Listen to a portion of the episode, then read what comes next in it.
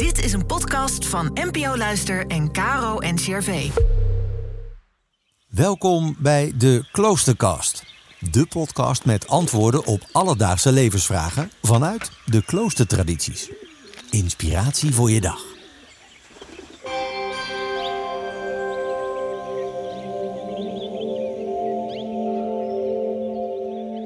Kloosterlingen krijgen regelmatig de vraag: wat betekent lichamelijkheid in het klooster? Een antwoord komt van Joost Jansen. Hij is Norbetijn van de abdij Berne te Heeswijk.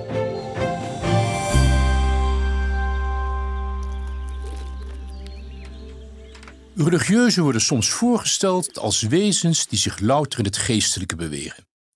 Ze lijken onaards, aseksueel, niet van deze wereld, omdat ze al in een andere wereld zouden zijn, een wereld die gewone stervelingen overstijgt, de wereld van God. Dat is onjuist. Aankomende kloosterlingen, novice worden ze in onze kloostertaal genoemd, die zich zo gedragen, zijn geen lang kloosterleven beschoren. Religieuzen hebben hart, ziel en lichaam. Als het lichaam buiten beschouwing wordt gehouden, is er fundamenteel iets mis. Het vraagt een hele weg om als religieus goed met alle reacties van je lichaam om te gaan. Ook op het voor iedere mens belangrijke terrein van de seksualiteit. Ik ben blij met mijn lichaam en ook met mijn hart en mijn geest. Mijn lichaam maakt het mij mogelijk om te werken. Toen ik net was ingetreden, in 1966, werd ik bij de metselaars gezet. Leer het vak maar. Later werkte ik in de kaasmakerij. Zakken cement wegen 50 kilo. Het verwerken van 10.000 liter melk per dag is ook een fysieke uitdaging. Arbo-wetgeving was er toen nog niet. Ik ging drie weken jaarlijks op pelgrimage op de fiets. Tot 3000 kilometer. Santiago de Compostela, Rome, Auschwitz, Iona. Mijn lijf kon het aan. Tot zover het succesverhaal.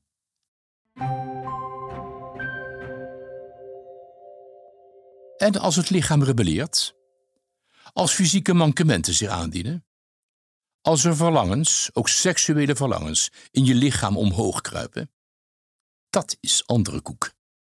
Een preek over harmonie tussen geest en lichaam voldoet niet in die omstandigheden.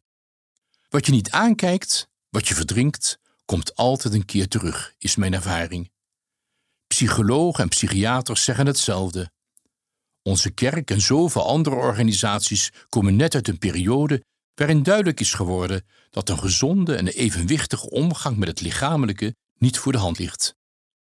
Misbruik van het lichaam van een ander, met name van kwetsbare jongeren, heeft diepe wonden achtergelaten.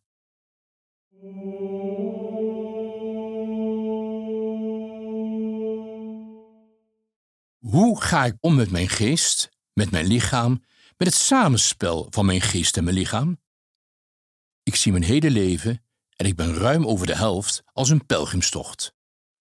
Ook nu ik geen lange tocht op de fiets of te voet meer onderneem, mijn leven is en blijft een pelgrimstocht. Onderweg naar Santiago de Compostela heb ik gezongen. Ultreia, ultreia, et soseia, Deus ad Jovanos.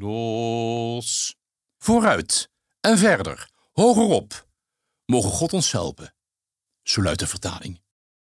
Ik ontdekte, en ik beschouw het als een gave, wat mij op die pelgrimstocht overkomt, ik liefdevol mag omarmen.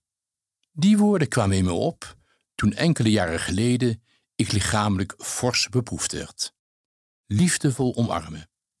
Ik heb die woorden niet verzonnen. Het was een geschenk. Zo ervaarde ik het. Toen en nu nog steeds. Geschenk van wie? Ik denk van God. Maar je mag ook iets anders of iemand anders invullen. Ik blijf het plaatsen in de ontmoeting met Hem. Hij heeft me de inspiratie gegeven liefdevol de mankementen te omarmen. God, mogen Gij ons helpen in goede en kwade dagen, in voor- en tegenspoed, bij ziekte en gezondheid, om liefdevol te omarmen wat ons overkomt. Amen.